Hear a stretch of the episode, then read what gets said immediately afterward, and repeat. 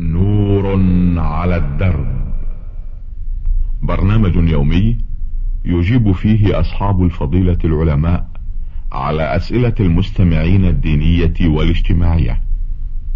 البرنامج من تقديم وتنفيذ سليمان محمد الشبانة. بسم الله الرحمن الرحيم. السلام عليكم ورحمة الله وبركاته. ومرحبا بكم في هذا اللقاء الذي نعرض فيه ما وردنا منكم من أسئلة واستفسارات على سماحة الشيخ عبد الله بن محمد بن حميد رئيس المجلس الأعلى للقضاء. مرحبا بسماحة الشيخ عبد الله. مرحبا بكم. آه هذه رسالة وردتني سماحة الشيخ من المرسلة فاطمة السالم باعارمة مكة المكرمة.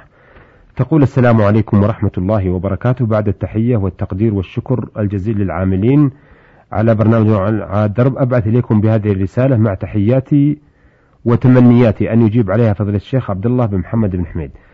أه تقول في الأسئلة ما رأي سعادتكم في كتاب الروض المربع للعلامة الشيخ منصور بن يونس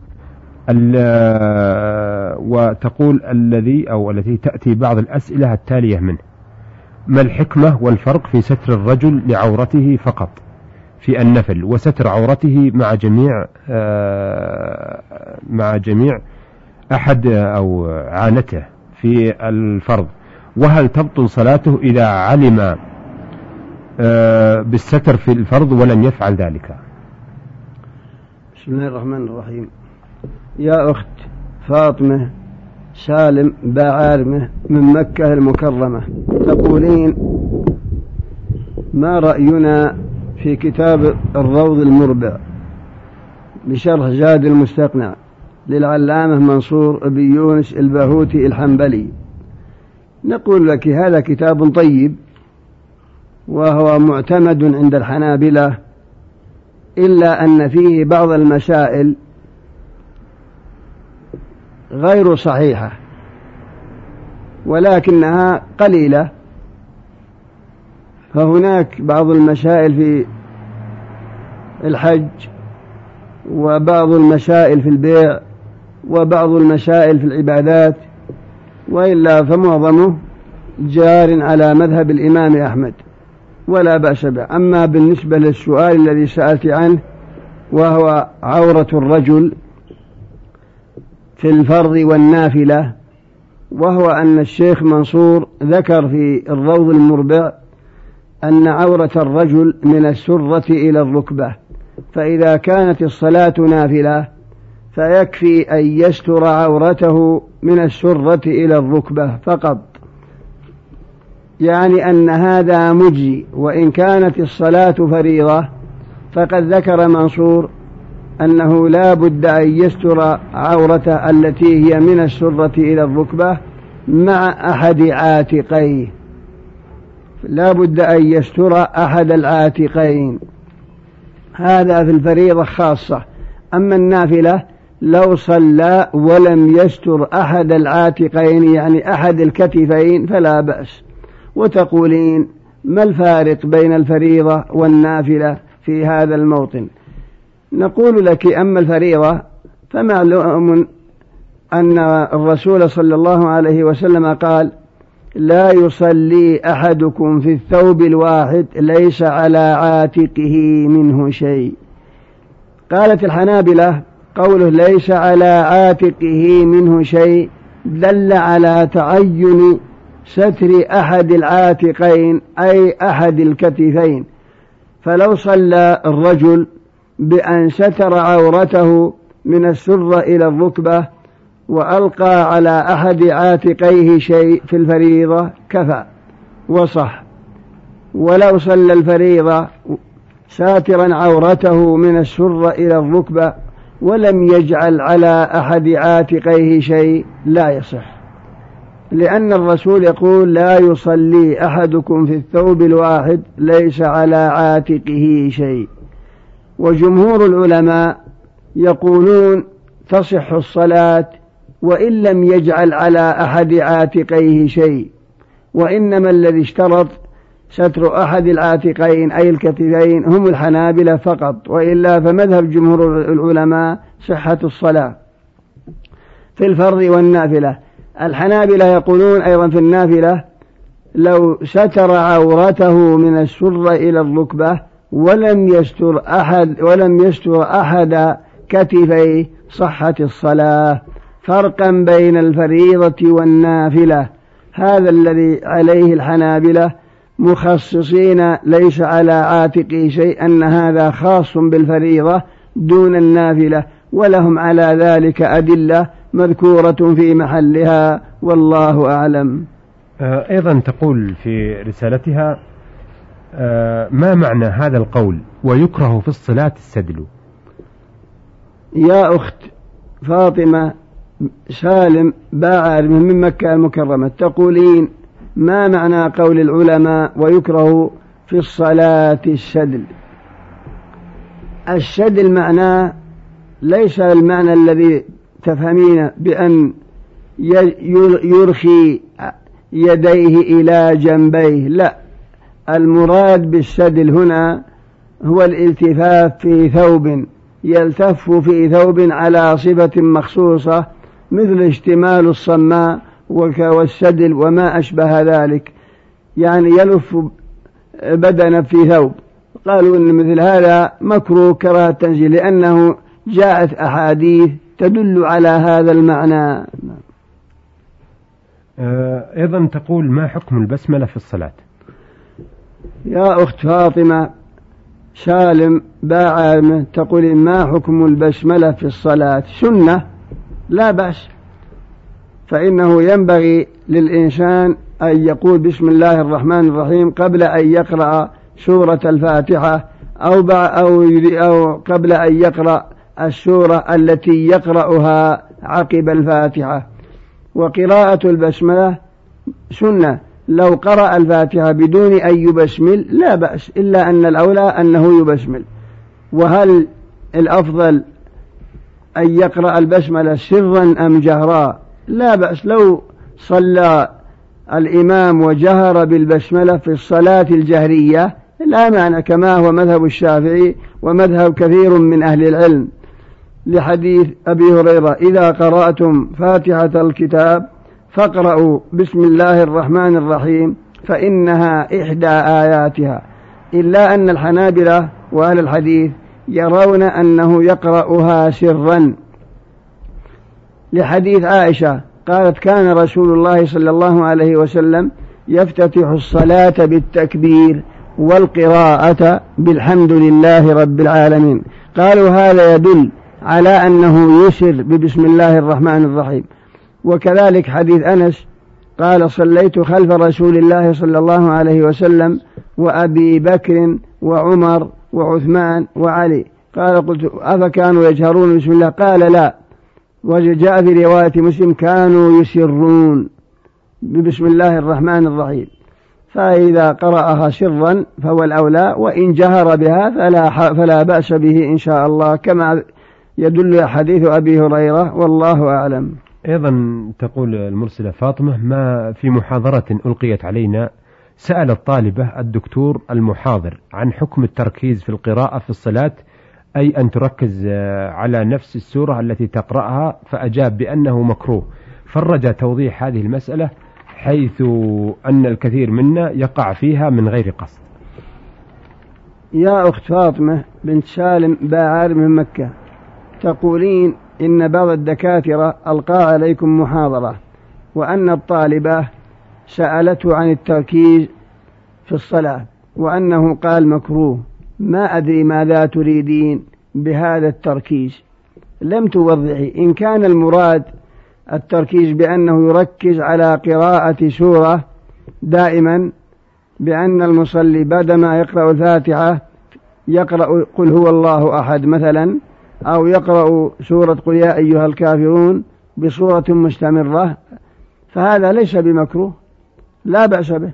لو فرضنا أنه استمر على قراءة سورة لكنه يعتقد جواز أو شرعية قراءتها وشرعية قراءتها وقراءة غيرها لا حرج وليس هذا بمكروه. هذا إن كان المراد بالتركيز هو هذا المعنى.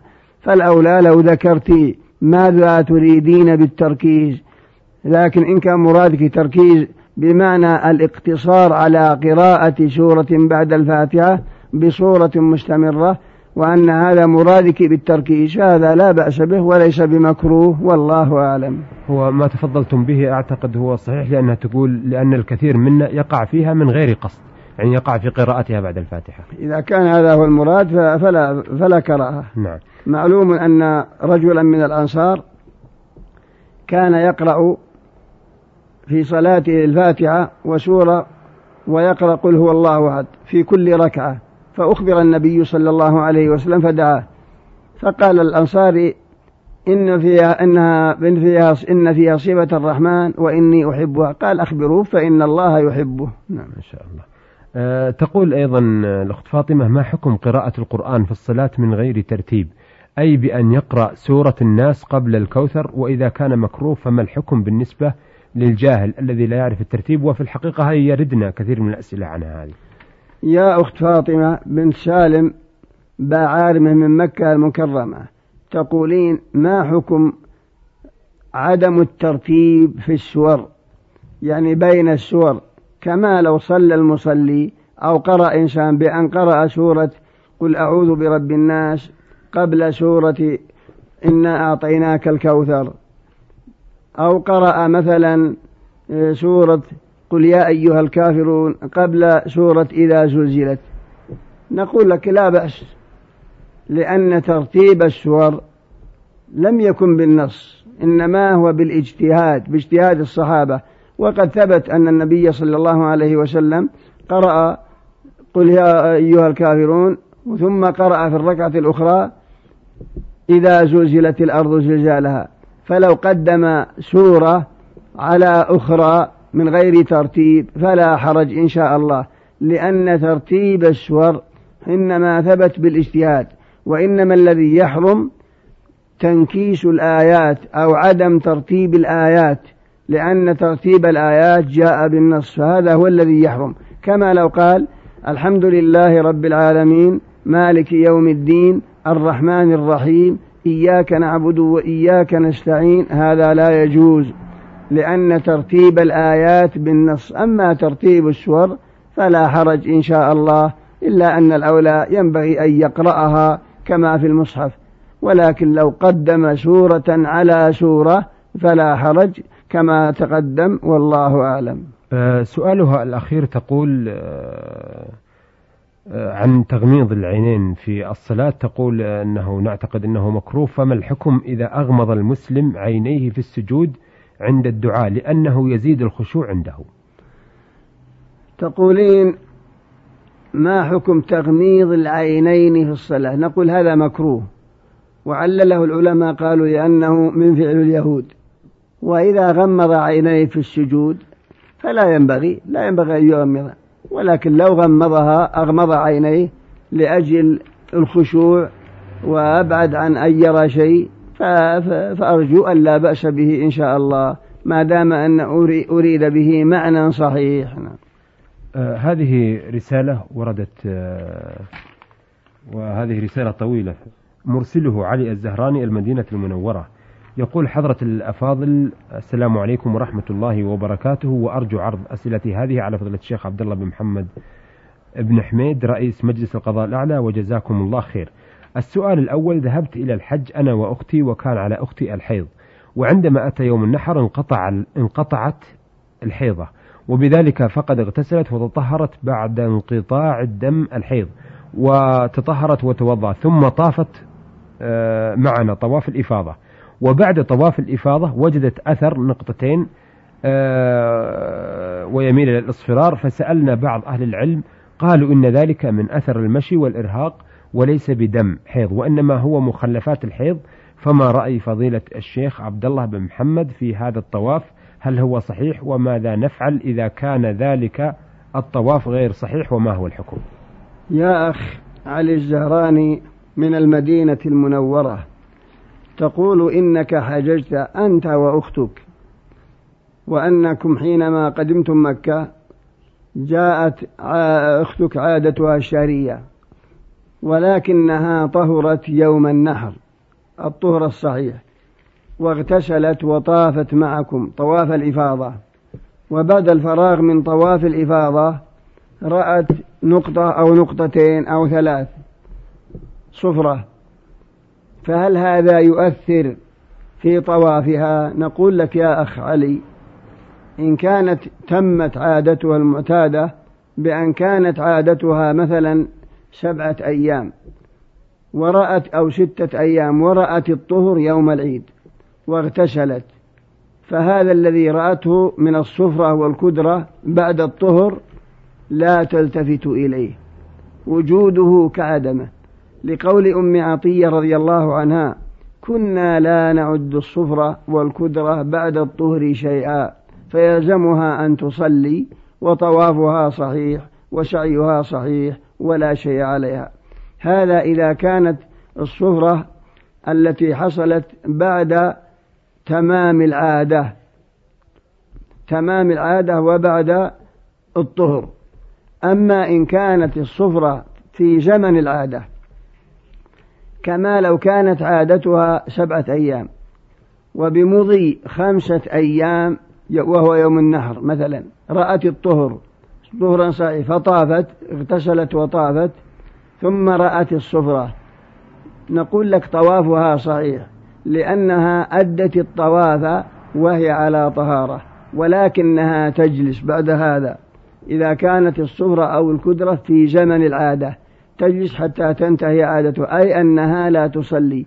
وما فعلته من طواف في حالة الطهر فإن الطواف صحيح ولا يلزمها قضاء وحجها صحيح بكل حال إن شاء الله والله أعلم. أثابكم الله. أيها السادة إلى هنا نأتي على نهاية لقائنا هذا الذي عرضنا فيه أسئلة السادة المرسلة فاطمة السالم بعارمة من مكة المكرمة.